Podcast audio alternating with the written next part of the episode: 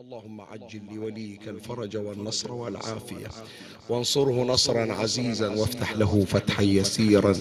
وهب له من لدنك سلطانا نصيرا. صلى الله عليك يا سيدي ويا مولاي يا رسول الله. صلى الله عليك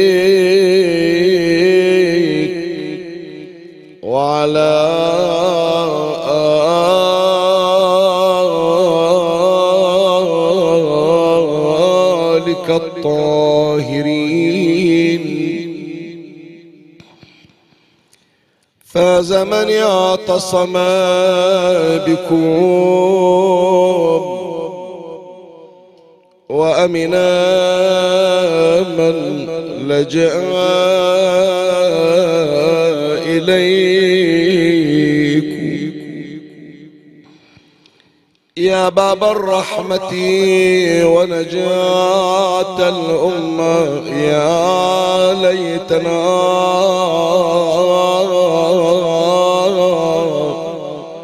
كنا معكم سادتي فنفوز فوزا عظيما وجهت سلامي إليك يا مولاي يا أبا عبد الله.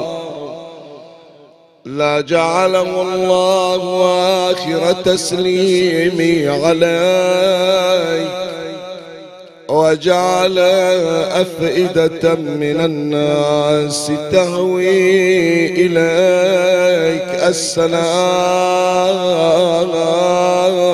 عليك يا مولاي. يا أبا عبد الله. السلام عليك يا ابن رسول الله وابن أمير المؤمنين سيد الوصين وابن الصديقة الزهراء فاطمة. سيدتي وسيدة نساء العالمين. روحي لروحك الفداء ونفسي لنفسك الوقاء يا قتيل العدا ومسلوب الحمامة والرضا. يا غريب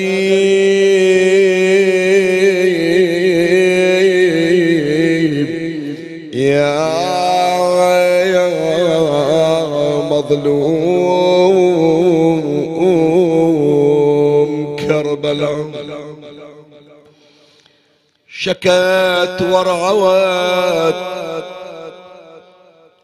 شكات ورعوات إذ لم تجد من يجيبها. وما في الحشاء ما في الحشاء غير لاهبين شكات ورعوات إذ لم تجد من يجيبها.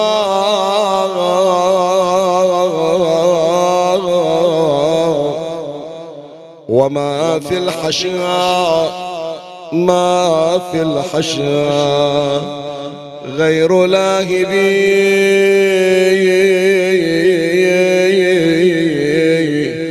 ومدت إلى نحو الغريان طرفها يا ونادت أباها خير ماش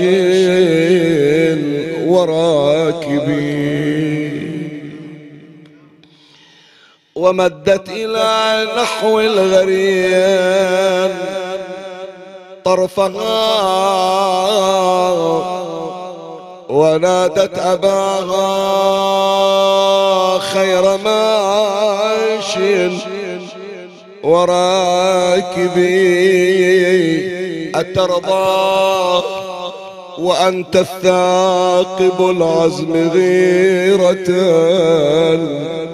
يلاحظها حسر القناع يزيد.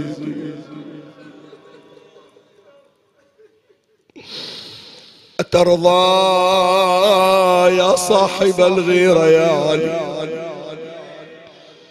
أترضى وأنت الثاقب العزم غيرة. يلاحظها حسر القناع. يزيد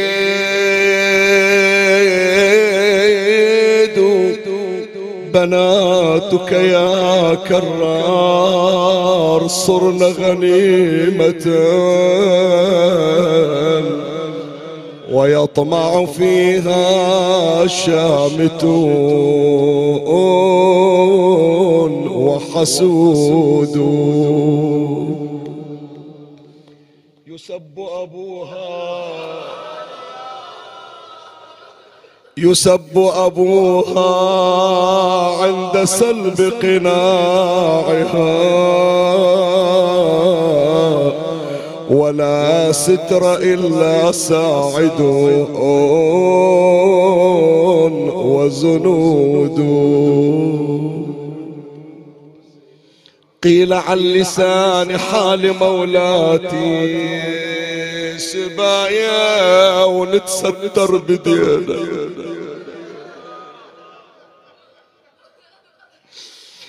سبايا سبايا. ونتستر.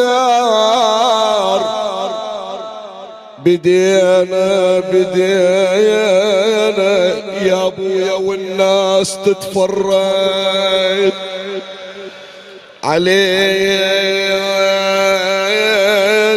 وزين العباد. مقيدين ويصيح أبويا حسين أنا شاكول لا رحت المدينة وقايلة وابوك حسين وين أقلهم أبويا ذابحين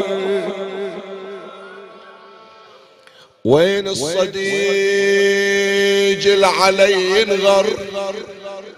أعطيه نخوة وليت عذر يوصل لهلي والفجر ماطر قبل صيحة لذان الله.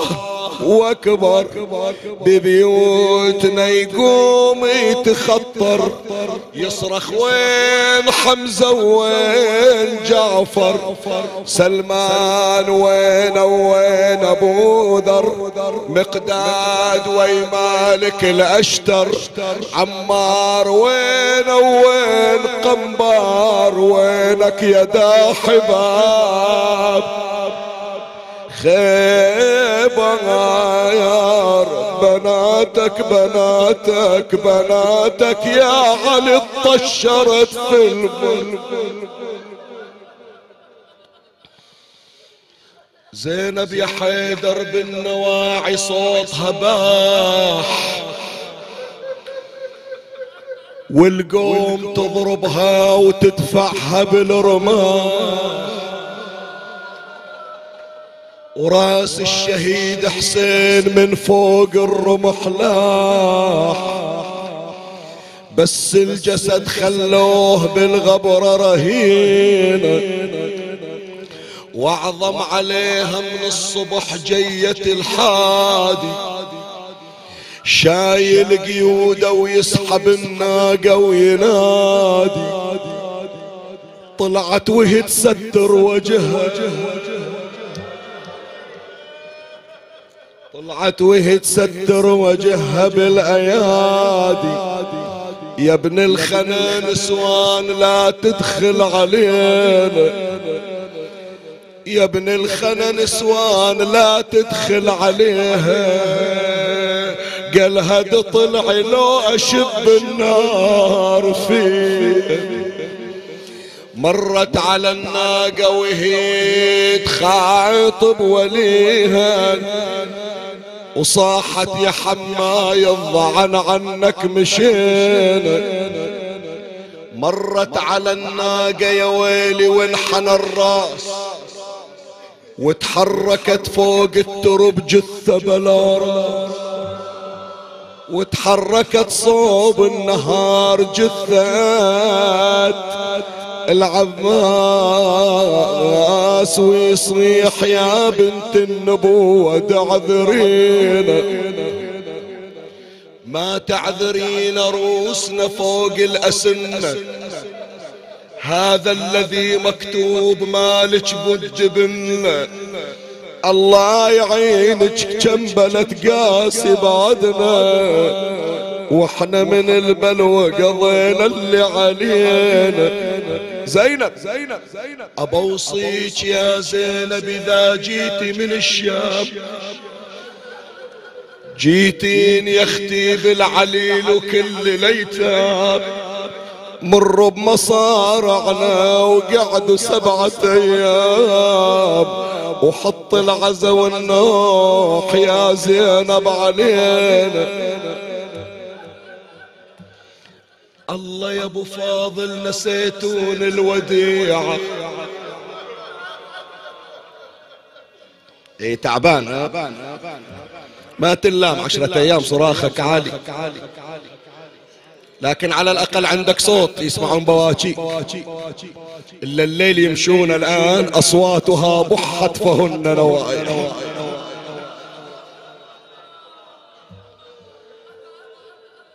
إذا شافوا الكادر دمعة من عينك نازلة جابوا لك كلينكس حطوا صوبك ماي. وتسمع واحد يقول لك ماجور اليوم سكينة بنت الحسين تقول وإن دمعت منا عين ضربت بكعب الرمح على رأسي.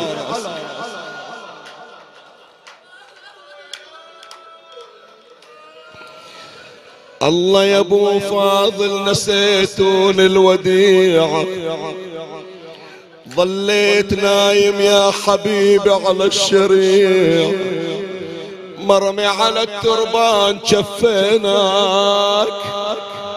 قطيعة والعلم في بردك يا خويا كاسرين. تعتبين وأنا على الشريعة مقطعيني. ولو تنظري جسمي يا زينب تعذريني أنا اللي أعتب عليك مو انتي لكن إيش عذرك ماشية؟ وما تجهزيني تخلين جسمي وما تشيلينه بشياء صرت رخيص عندك زينب؟ نسيت الخدمات نسيت الكفالة. زين مو على حسابي على حساب أمي اللي بتروحين تقابلينها. تخلين جسمي على الثرى وما تجهزين زين أنا مو لازم زينب. ليش العزيز حسين عار تتركينه؟ لم اليتامى وعن ثرى الغبرات ارفعينا صاحتنا نخيت عدوانك يا سردان ناديتهم ويا ريتني ما ناديتهم. ناديتهم شيلوا الجنايز يا مسلمين. أثار العدا كلهم بلا مذهب. إيش سووا؟ ولدين طلعوا بخيل الأعوجية وداس.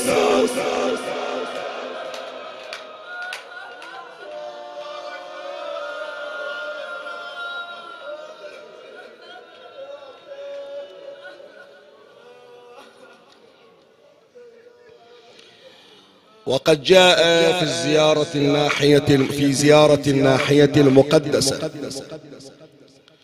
الصادرة عن إمامنا الحجة بن الحسن أرواحنا لتراب مقدمه الشريف الفداء. قد عجبت من صبرك ملائكة السماوات. فأحدقوا بك من كل الجهات وأثخنوك بالجراح. وحالوا بينك وبين الرواح. ولم يبق لك ناصر. وأنت محتسب صابر. تذب عن نسوتك وأولادك. حتى نكسوك عن جوادك. فهويت إلى الأرض جريحا. تطأك الخيول بحوافرها. وتعلوك الطغاة ببواترها.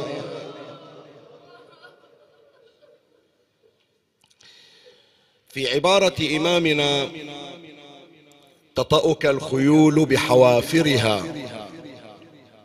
هذه العبارة تشير إلى ما جرى على جسد إمامنا الحسين عليه السلام. إن شئت أن تعبر بالرض فعبر بالرض وإن شئت أن تتجاوز الرض إلى الطحن كما أشار إليه السيد حيدر. حيث الحسين على الثرى خيل العدا طحنت ضلوعا. ولم يكن تعبير السيد حيدر الحلي تعبيرا ادبيا عار عن الحقيقة بل أن المصادر تشير إلى أن عظام الحسين عليه السلام لم يكتفى لا بكسرها ولا رضها بل ما غادروه حتى انطحنت جميع عظامه الشريفه ورد الجسد الشريف بالخيول بحث واسع. لا زال مدار بحث العلماء. فمنهم من يشكك في حادثة رض الجسد. ومنهم من يجزم بوقوعها. ومنهم من ينكرها ولا يقبلها أصلا. فلهذا البحث في هذه الليلة سيكون حول رض جسد إمامنا سلام الله عليه وإشارة إلى بعض الأمور التي في الأعم الأغلب لا تذكر إلا أنها موجودة في طيات الكتب وفي أرجاء البحوث.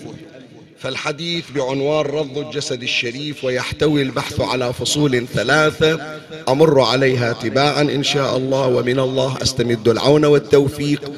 ومن مولاي أبي الفضل العباس المدد وألتمس منكم الدعاء. وثلاثا بأعلى الأصوات صلوا على محمد وآل محمد اللهم صل على محمد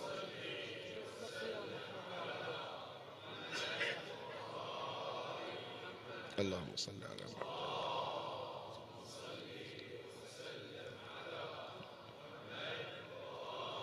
اللهم صل على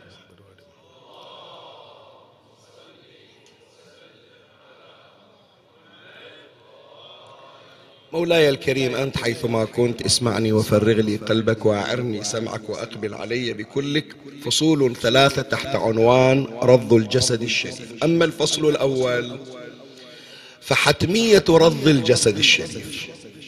ونقصد بعبارة حتمية يعني أن ما تعرض إليه جسد إمامنا سلام الله عليه من وطء أدى إلى تكسير وتهشيم وطحن عظامه بأسرها ليس أمرا معرضا للشك أو في مدار البحث وإنما هو من الأمور المحتمة والمسلم بها. فكما أنك تجزم بأن الحسين عليه السلام تعرض إلى قطع رأسه الشريف عن جسده. كذلك عليك أن تجزم بما جرى على عظامه من رب. وذلك لعدة أمور. أولا النصوص الواردة عن أهل البيت عليهم السلام. النصوص الواردة عن أهل البيت تشير إلى أن من المصائب التي جرت على جسد الإمام الحسين عليه السلام مصيبة رض الجسد. وشوف عبارة الإمام سلام الله عليه يعني هذا عينة من عينات النصوص التي تتحدث عن رض الجسد النص الوارد عن إمامنا الحجة أرواحنا فداه في زيارة الناحية تطأك الخيل بحوافرها. بل في عبارة إمامنا المنتظر أرواحنا فداه أمر خطير جدا إلى أن الإمام الحسين عليه السلام لم يتعرض إلى رض الجسد مرة واحدة. وإنما سحق جسده الشريف أكثر من مرة. والمرة الأولى لعلها كانت أش مرة ثانية. وذلك لأنه حسب كلام الإمام في الزيارة وحسب السياق الإمام تعرض إلى رض الجسد قبل أن يقتل وتخرج روحه. يعني الخيل كانت تصعد على الإمام والإمام لا زال على قيد الحياة ويحس بوقع الحوافر على صدره. وهذا واضح من خلال كلام الإمام. من تجي تقرأ في الزيارة شوف الترتيب اللي جاب الإمام. تطأك الخيول بحوافرها وتعلوك الطغاة ببواترها. فقدم وطئ الخيل على صعود الطاغي. طبعا تعلوك الطغاة ببواترها يعني شنو؟ تعلوك يعني تصعد عليك يعني ترتقي على جسدك. الطغاة مفردة جمع مفردها طاغي ويشير إليه منه إلى الشمر ببواترها البواتر جمع البتار وهو السيف. فقدم إمامنا المنتظر صعود الخيل على صدر المولى قبل صعود شمر على فكان هناك رض أولي للإمام والإمام الحجة تعرض إلى الرض الأولي لما فيه من ألم. هذا واحد من النصوص التي أشارت إلى سحق صدر الإمام وإلى رض جسده الشريف. هناك نص آخر النص الآخر وارد عن الإمام الباقر سلام الله عليه. يعني ويرويه العلامة المجلسي في بحار الأنوار الجزء 45 صفحة 91 قال شوية سامحني يعني. الكلمة مزعجة ومؤذية. إحنا ما ما نتصورها أصلا. يعني لو واحد يريد هو يخلي الكلمة مستحيل يفكر في هذا التعبير. لكن شوف الحاجة التي دعت الأئمة إلى أن يستخدموا هذا التعبير.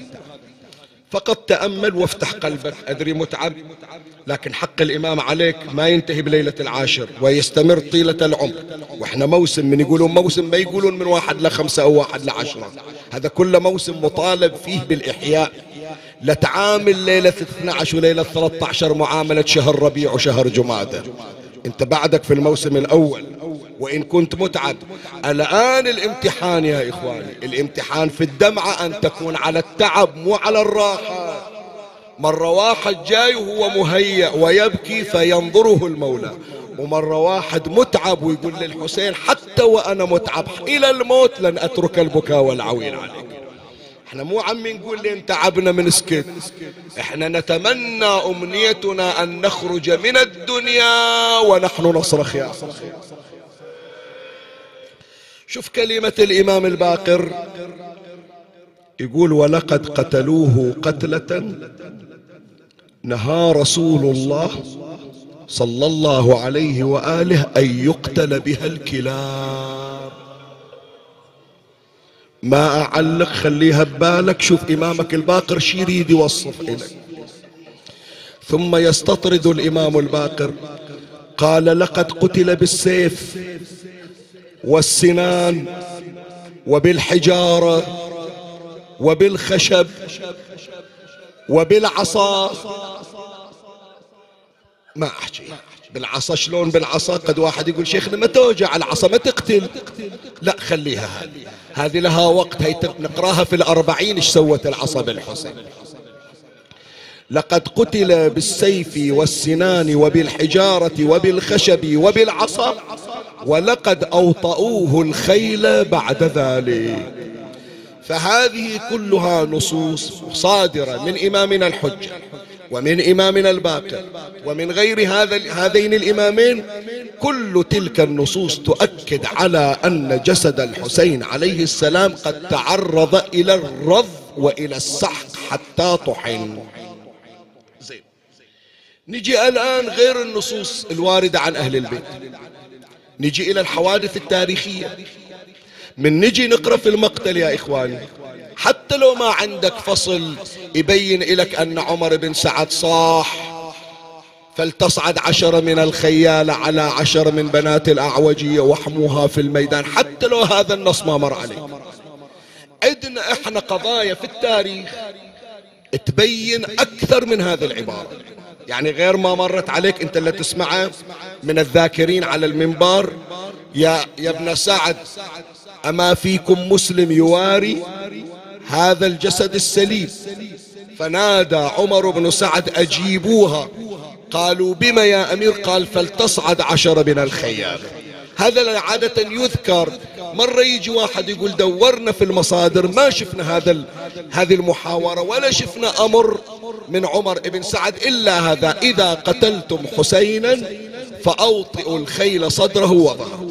هذا النص الموجود في التاريخ لكن اجى نص أخطر من هذا.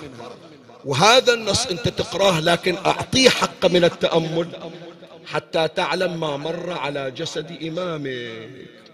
شوف إيش يقولون في المقاتل.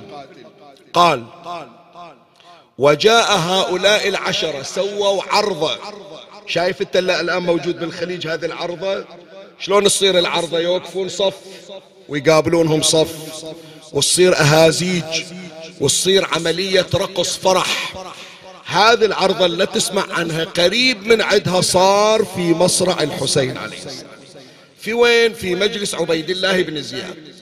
يذكرها العلامة المجلسي في البحار الجزء 45 وغير العلامة المجلسي. قال وجاء هؤلاء العشرة حتى وقفوا على ابن زياد.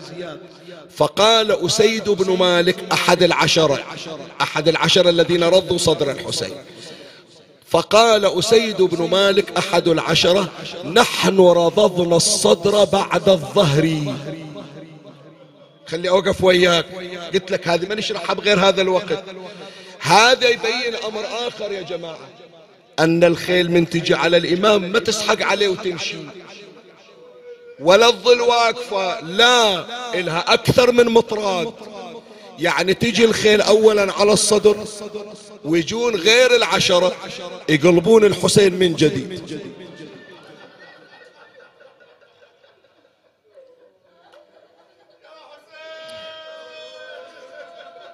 بعض الفضلاء يقول مو فقط الصدر والظهر يردون يخلون الحسين على طرف يعني من كل جوانب حسين تعرض جسده إلى الرض نحن رضضنا الصدر بعد الظهر بكل يعبوب شديد الأسر. هذه الكلمة ما تشرح عادة. شنو يعبوب؟ شنو شديد الأسر؟ اليعبوب من الخيول يعني أكثر الخيول جريانا. إلا بحيث إذا انطلق الفرس ما يقدر أحد يوقفه. فلهذا خلوا عبارة شديد الأسري شنو يعني شديد الأسري يعني يخلون عليه لجام مضاعف بحيث يشدون عليه أكثر وإلا هذا ما يوقف. فالخيل إذا إجت في أسرع عدوها شو تسوي؟ الوط يكون أشد.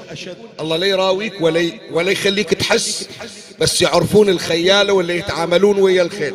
مرة الخيل واقفة تنزل رجلها على العظم. توجع.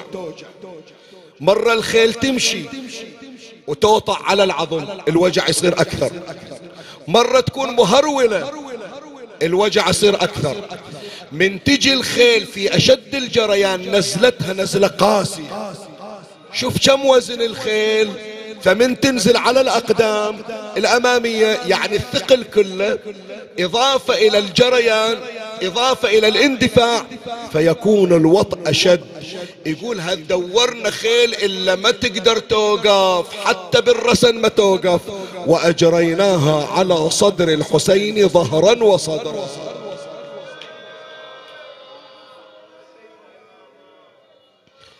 فقال ابن زياد من أنتم؟ قال فقالوا نحن الذين وطأنا بخيولنا. ظهر الحسين. شوف التعبير الخطير اللي أقول لك عنه. إلا ما موجود حتى في النقل في أثناء الرض.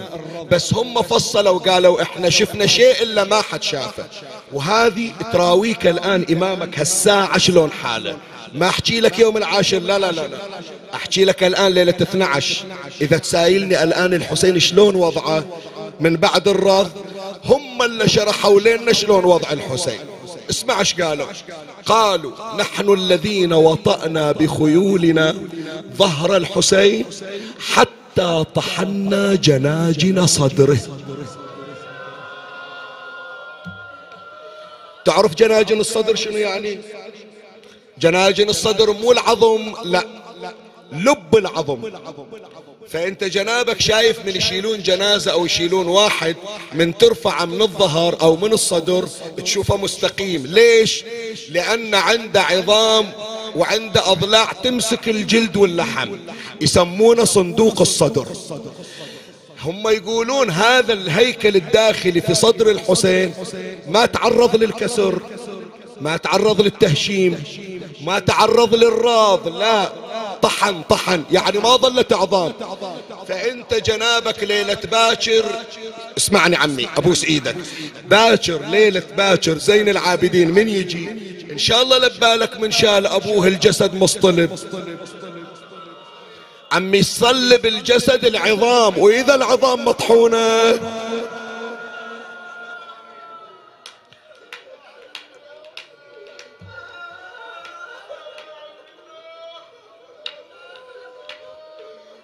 شوية نحاول نتباعد يعني عن الأمور الموجعة. هل مقدار كافي إن شاء الله يكون أدينا حق المصاب؟ ومنظور بعين إمامنا. صدى رض الجسد. مو فقط رضوا الجسد ما بعد رض الجسد. وراح انقل لك الآن النص التاريخي اللي موجود ومعتمد عند المسلمين لأن هذا من المصادر التاريخية. وأن كثيرين الآن يمارسون أشياء لا يعلمون عن ماذا تنم وعن ماذا تكشف. يمكن جنابك انت شايف في بعض المحلات التي تبيع التحف يبيعون حدوة حدوة اللي هو نعل حافر الخيل. يبيعونها لو من باب الزينة أو يبيعونها مثل ما يتصور البعض وهما بأنها تدفع الحسد وهذا أكثر ما موجود في مصر. تعرف هذه الحدوة اللي يبيعونها اللي يخلونها يعلقونها على الباب أو على باب البيت في الخارج هيشيل التاريخ ينقل أنها بعد وقعة بعد واقعة الطف. حوافر الخيل صاروا ياخذون الحدوات من عند وصاروا ينقلون أربعين حدوة يعني عشرة خيول من أربعين حافر أربعين حدوة يودونها إلى دول المسلمين إلى مناطق المسلمين. فكانوا يتبركون بها شماتة بقتل الحسين. يجيبون الحدوة يدخلونها إلى البلد. عمي هذا شنو؟ يقولون هذا نعل لحافر وطأ صدر الخارجي حسين بن علي. فيمسحون عليها يتبركون بها. أنقل لك النقل التاريخي إلا مأخوذ من أهم المصادر وهو كتاب الآثار الباقية لأبي الريحان البيروني هذا أحد علماء المسلمين المؤرخين. وعند كتاب تاريخ مصدر يعتبر اسم الآثار الباقية ونقلوا عنه وممن نقل عنه المقرم في مقتله. قال وقد وصل بعض هذه الخيول إلى مصر. يعني الخيل الخيل العوجية هذه. عقب عاشوراء وين راحت؟ شفت شلون اليوم يوم عاشر؟ في ذو الجناح يطلعون الخيل يتمسحون به شفت إحنا عندنا شلون عقيدة بأن هذا الخيل يمثل جواد الحسين فيصعدون الأطفال ويتمسحون به يتبركون لأنه يمثل ترى بالمقابل حزب الشيطان. خيول الأعوجية عقب يوم عاشر قاموا وينقلونها من بلد إلى بلد. من يدخلون الخيل في أي بلد؟ هذا شنو هالخيل؟ يقولون هذا خيل رض صدر الحسين. فيجون يتمسحون بعرقه يتمسحون بحوافره أراحنا الله من الخارجي ابن الخارجي النقل اللي ذكره البيروني في الآثار الباقية. قال وقد وصل بعض هذه الخيول إلى مصر فقلعت نعالها. يعني قالوا هذا الخيل لا تطلعونا قالوا لا إحنا جايبينه بس نشوفكم إياه. قالوا إذا تعطونا حدوة من عند بركة حتى نتذكر قتل الحسين ونشمت به. فقلعت نعالها وسمرت على أبواب الدور تبركا. فلهذا يا أحبائي اللي يسمع يمكن البعض مو ملتفت إلى هذا الأمر. مخلينها لو منظار لو كذا حاط حدوة على باب البيت يبيعونها وبعض أولادنا وبعض إخواننا ما يدرون عنها. ترى هذا منشأها وهذا أصلها. قال وسمرت وسمرت على أبواب الدور تبركا وجرت بذلك السنة عندهم. اسمع شلون زاد الأمر. زين هم يا جماعة كم حدوة منو يجاوبني؟ قلتها أنا. أربعين حدوة أربعين حدوة إذا بيوزعونها منو يلحق عليها؟ قاموا يسوون تقليد عليها ويبيعونها بأغلى الأثمان فقط من أجل الشماتة على قتل الحسين. البيروني يقول في الآثار الباقية قال وسمرت على أبواب الدور تبركا الأربعين حافر الأصلية وجرت بذلك السنة عندهم فصار أكثرهم يعمل نظيرها تقليد يعني ويعلق على أبواب الدور. هذا من ضمن القضايا التي تثبت بأن صدى رض الجسد استمر إلى سنوات. بعد ذكروا أيضا أسماء من قام برد صدر الحسين عليه السلام. وهم عشرة. من ذول العشرة الخيالة أسماءهم في التاريخ. الأول إسحاق ابن حوية وهو الذي سلب قميص الإمام الحسين. الثاني الأخنس ابن مرثد وهو الذي سلب عمامة الحسين. الثالث حكيم بن الطفيل السنبسي وهو الذي قطع يد العباس اليسرى. الرابع عمرو بن صبيح الصيداوي وقد ذبح عبد الله بن مسلم ابن عقيل. الخامس رجاء بن منقذ العبد. السادس سالم بن خيثم الجعفي. السابع صالح بن وهب الجعفي وهو الذي طعن الحسين بالرمح في خاصرته. الثامن واحظ ابن غانم التاسع هاني ابن ثبيط الحضرمي العاشر وهو قائدهم واسمه أسيد ابن مالك. وبعد ست سنوات من عملية رض الجسد الشريف ظفر بهم المختار الثقفي فشد وثاقهم يعني صفهم ويا بعض وقيدهم بالسلاسل وأمر الخيل عليهم حتى قتلهم بأسرهم. قالوا أخذهم المختار فشد أيديهم وأرجلهم بسكك الحديد وأوطأ الخيل ظهورهم حتى هلكوا إلى نار جهنم. هذا الفصل الأول من بحثنا. الفصل الثاني ليش يا جماعة يشككون يقولون الحسين ما رض جسده؟ ترى اكو عندنا من العلماء يقول لك قصة رض الجسد مو صحيحة. مع وجود هي النصوص قاري لك أنا النص من زيارة الناحية وقاري لك رواية الإمام الباقر عليه السلام وذاكر لك حوادث تاريخية تأكد. زين يجون مجموعة من العلماء يقول لك لا ما صار. ومنهم اللي ينكر منه اللي ينكر عملية رض الجسد العلامة المجلسي نفسه اللي أورد هالنصوص هو ينكر رض الجسد. شلون؟ شو تخلي الهوى الطيب حطوا بالكم يا إخواني. هناك رضان لجسد الحسين شباب حطوا بالكم. رضان لجسد الحسين. الرض الأول تحقق هذا اللي ذكرنا. إلا العشرة قاموا برض الجسد. وكان هناك مشروع لرض الجسد مرة ثانية. مو هذه الأولية اللي انطحنت فيها عظام الحسين. هذه خلاص سووها.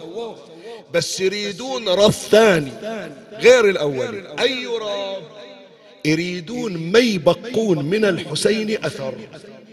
بحيث مو فقط العظم يتكسر. لا يخلون الخيل إن شاء الله لو تبقى ثلاثة أيام. ينمرد اللحم بعد ما يبقى علامة إلى شيء اسمه حسين.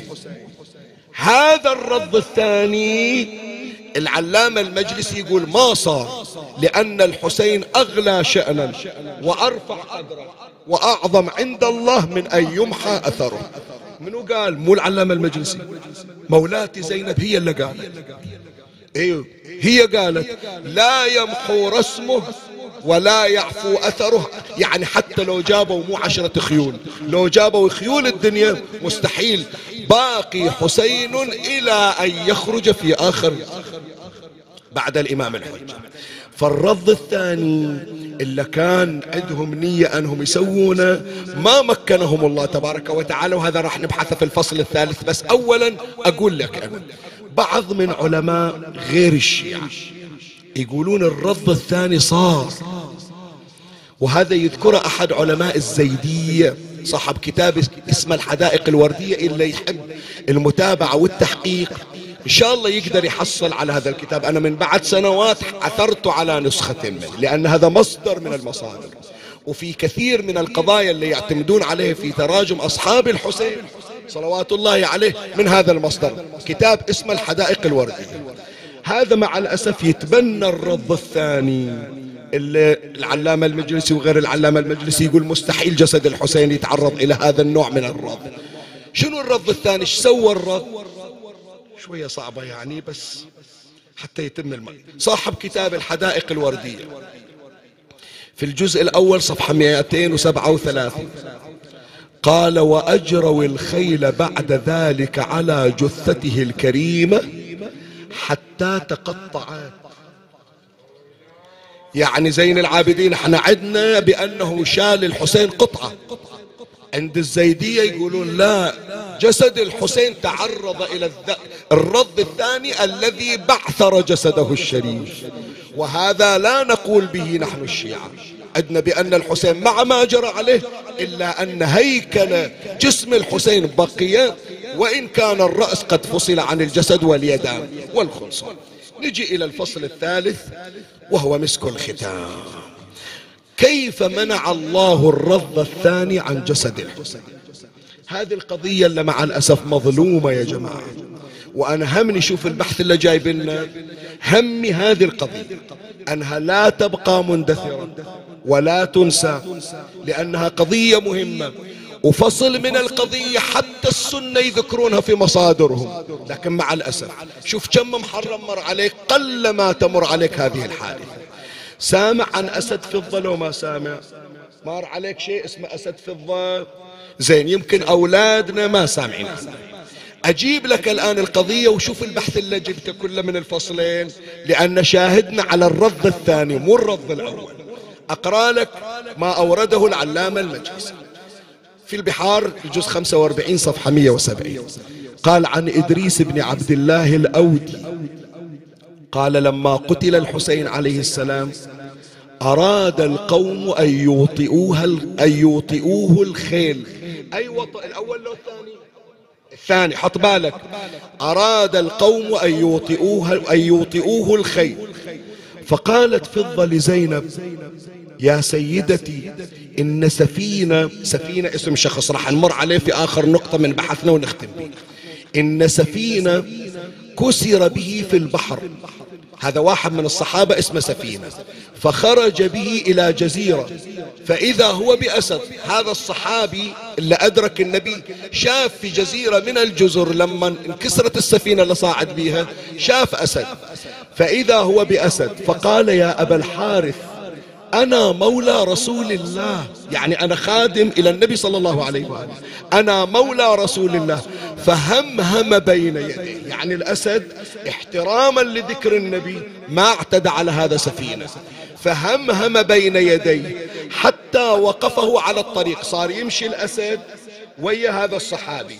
ودليه شلون يروح إلى البيوت على لا يضيع ويموت جوعا وعطشا. شو تريد فضة تقول تقول هذا سفينة عزيز على النبي. الأسد احترم هذا الصحابي. اللي عاش ويا النبي.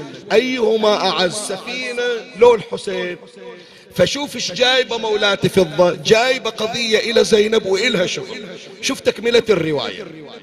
قالت والأسد رابضا والأسد رابض في ناحية. تقول لما مولاتي زينب تقول ترى من هالليالي أنا شايف أسد يتمشى داير مدار كربلاء. أنا سويت بحث ميداني يا إخوان. سمعوا شوية هي معلومة يكونوا تضمونها يعني. إحنا يتابعونا مجموعة من إخواننا من أهالي العراق. هم أيضا المعلومة يساعدونا فيها وهم تفيدهم ولا ما أنا سويت بحث ميداني. قلت كربلاء فيها أسود فيها سباع حتى تجي قصة الأسد. تبين يا إخواني أن هذه المنطقة يعني الطريق من النجف إلى كربلاء كانت منطقة مسبعة. والأشخاص الكبار اللي أنا بنفسي رحت في بحثي اللي أعمارهم فوق المئة سنة قالوا شيخنا إلى ثمانين سنة كان أسود موجود. وفي بعض المصادر التاريخية من تاريخ العراق أن آخر أسد تقريبا قبل سبعين سنة إلا كان يشوفونه بالأهوار وفي القصب وفي بعض المناطق كان موجود. فإذا المنطقة مسبعة يعني مو شيء غريب. فهي فضة تقول لي مولاتي زينب تقول ترى أنا أشوف أسد يدور هالليالي يمر بس ما يوصل صوب خيامه. فلهذا قالت والأسد رابض في ناحية. فدعيني أمضي إليه فأعلمه ما هم صانعون سفينة مولى النبي مو أعظم شأن من الحسين ابن النبي. ما هم صانعون غدا؟ قالت فمضت إليه. فضة مشت إلى وين؟ إلى الأسد الموجود على مشارف كربلاء. فمضت إليه. فقالت يا أبا الحارث أبا الحارث هذه كنية الأسد. يسمونه أبو الحارث. يا أبا الحارث فرفع الأسد رأسه. قالت فرفع رأسه ثم قالت أتدري ما يريدون أن يعملوا؟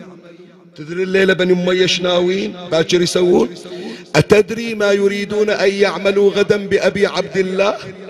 يريدون أن يوطئوا الخيل ظهر. فضة قالت للأسد بس عطت الكلمة. قالت قال فمشى حتى وضع يديه على جسد الحسين. قال بعد ما يوصل أحد وأنا موجود هذا اللي أشار إلى سيد جعفر الحل في قصيدة الكافية. تأتي الوحوش له ليلا مسلمة والقوم تجري نهارا فوقه الرمك. يعني الصبح مشوا الخيل الليل اجى يمنع الرض الثاني الأسد. قال فوضع حتى وضع يديه على جسد الحسين عليه السلام. فأقبلت الخيل يوم 11 غير الرض مال يوم عاشر. فأقبلت الخيل فلما نظروا إليه قال لهم عمر بن سعد فتنة لا تثيروها انصرفوا فانصرفوا.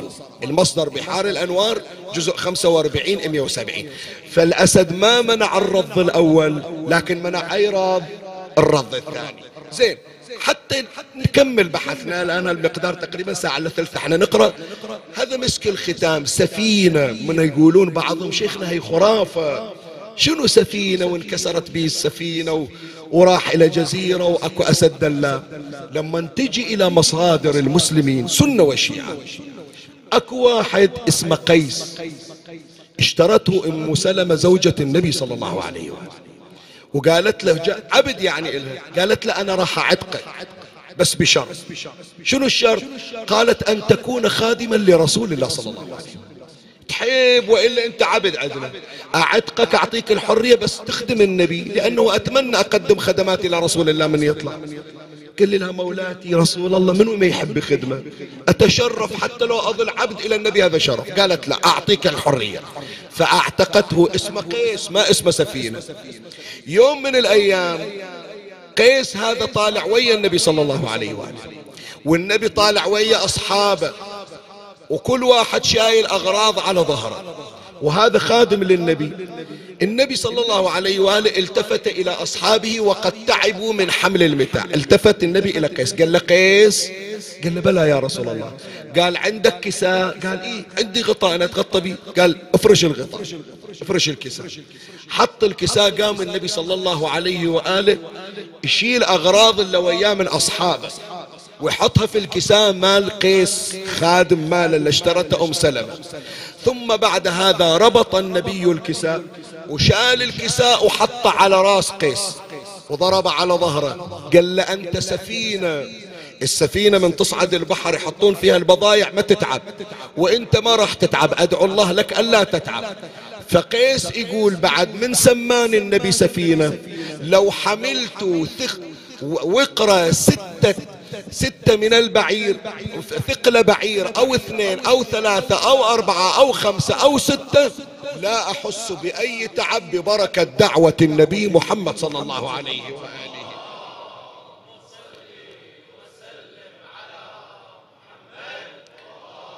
أقرأ لك النص اللي ذكره الحاكم النيسابوري في مستدرك الصحيحين الجزء الثالث صفحة 701 يعني هي القضية مشهورة عند السنة والشيعة مو مالت الشيعة لا سنة والشيعة يذكرونها. قال سفينة كان اسمي قيسا فسماني رسول الله صلى الله عليه وآله سفينة. قيل لم سماك سفينة؟ قال خرج ومعه أصحابه فثقل عليهم متاعه. فقال ابسط كساءك فبسطته فجعل منه فجعل فيه متاعهم ثم حمله علي فقال احمل ما أنت إلا سفينة. فقال قيس فقال لو حملت يومئذ وقر بعير أو بعيرين أو خمسة أو ستة ما ثقلوا علي وذلك ببركة النبي محمد صلى الله عليه وآله.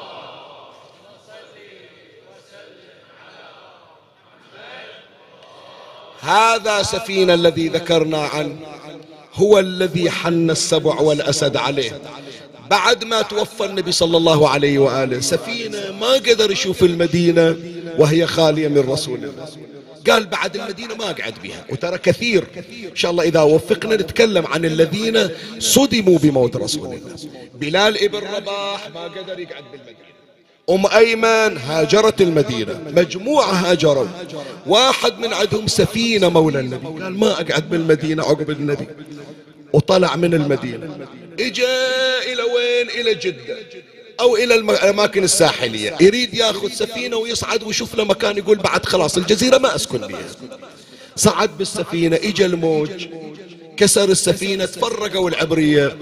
هو هذا بعد قيس أو سفينة قذفه الموج على جزيرة من الجزر. شاف أسد اخترع صاب الخوف. قال له على رسلك أبا الحارث ترى أنا سفينة مولى النبي ترى أنا معاشر النبي. من سمع الأسد باسم رسول الله؟ هم هم. قال له أوديك كرامة إلى رسول الله. هذا سفينة حن عليه السبع حسين هذه الليلة السباع تحرس جسد عمي مو بس السباع. لا والله. سباع عينة من العينات. تدري إيش سوى الحسين بالكون؟ تدري ما بقى شيء إلا حن على أبي عبد الله؟ الفاضل الدربندي في أسرار الشهادات قال وضع حسين سبابتيه في أذنيه ووقف بين أوساط المخيمات ونادى بصوته ألا من ناصر؟ ألا من ذاب ألا من معين ألا من موحد يخاف الله فينا ألا من مغيث يدافع عن يذب عن بنات رسول الله. يقول الفاضل في الأسرار فأخرجت الحيتان رؤوسها من من البحار حزنا على صوت حسين بن علي. نزل ملك بين السماء والأرض قال أيتها الأمة الضالة المتحيرة. لا وفقت لفطر ولا لأضحى. يقول الإمام الصادق فوالله لا يوفقون ولن يوفقوا الجن حنت على الحسين. السباع حنت على الحسين. زين أكو ملك حنون على أبو علي. هذا مدلل الحسين من يوم الحسين طفل. سيد هاشم التوبلاني يقول ليلة من الليالي مولاة الزهرة نائمة من التعب نائمة والحسين بالمهد فتحت عينها. وإذا تسمع صوت آدمي صوت إنسان يهز المهد ويناغي الحسين. لكن الدار خالية. قالت مولاتي شنو يتراوالي الحسين يضحك ويامن منو يسولف وياه أسمع الصوت لكن ما أشوف الشخص. قامت مولاتي فاطمة. إجت إلى دار أبيها. ابويا قوم شوف إيش صاير. حسين مهدي ينهز ويضحك بالمهد وأسمع صوت. لكن ما أشوف أحد. قال بني فاطمة لا تعجبي هذا جبرائيل نزل من السماء. يناغي حسينا في مهده ما يقدر يسمع أبو علي يبكي حتى لو هو طفل صغير. نزل من السماء حتى يحدئه وما دام انت نايمة راح يظل خادم للحسين. ليش تبكي عمي؟ ليش؟ وين راح قلبك؟ عمي ما أحكي لك مصيبة أنا. حسين بالمهد وجبرائيل عنده. بس أدري ليش هالدمعة هذه. كأن عنده حكاية عندك حكاية ويا جبرائيل. جبرائيل لا تجي إلى الحسين بالمهد. مو محتاج إنك أبو علي. عند صدر فاطمة عند حضر رسول الله. عند كل المدينة تجي تحن عليه. كان جيت لليوم تظلل عليه. يا الحنون يلي نزلت من السماء على حسابه وهو بالمهد. ترى اليوم مو على مهد اليوم مقلوب على وجه.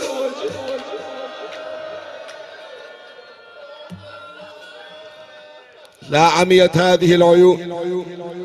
ولا بحت هذه الأصوات. أعوذ بالله من عين لا تدمع عليك يا أبا عبد الله. اللهم لا تبقني ليوم لا أبكي فيه على حسين. أي المحاجر لا تبكي عليك دما. أبكيت والله حتى محجر الحجر. والله لا أحرق قلبك الليلة. عمي تقول لي شنو أهدأ؟ لا والله كلها عاشر عندي. وربيع أيامي علي محرم. اليوم اليوم اليوم أحكي لك اليوم.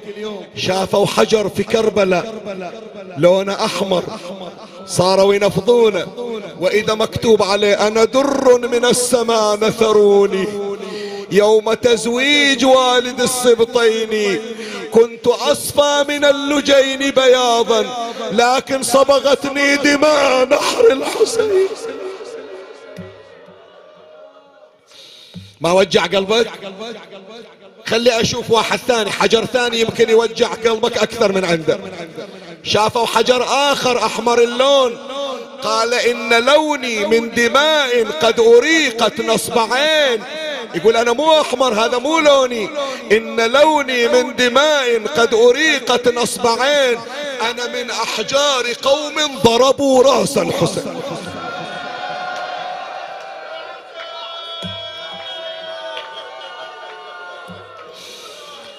اي حرق قلبك هذا ها؟ زين خلي أشوف القطعة الثالثة شو تسوي بيك. شيخ البهائي في الكشكول يقول جاني مزارع يوم أنا مقيم في كربلاء.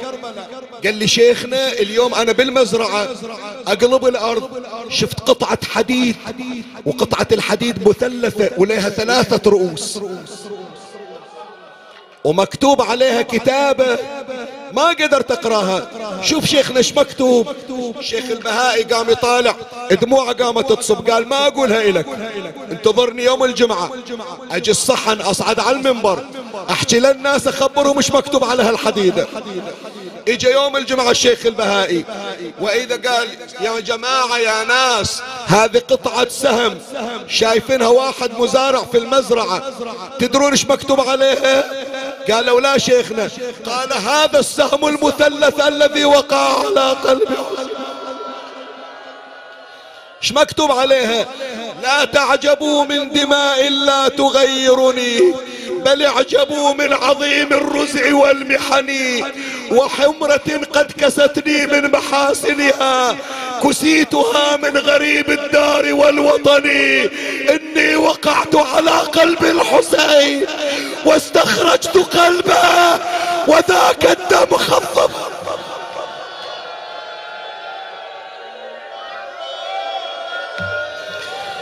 أوصيك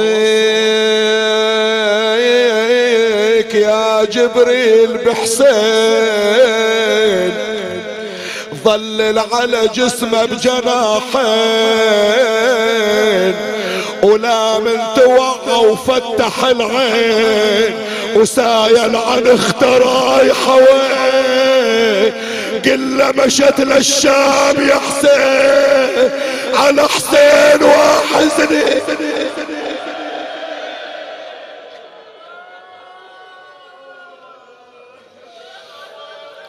اللهم صل على محمد وآل محمد.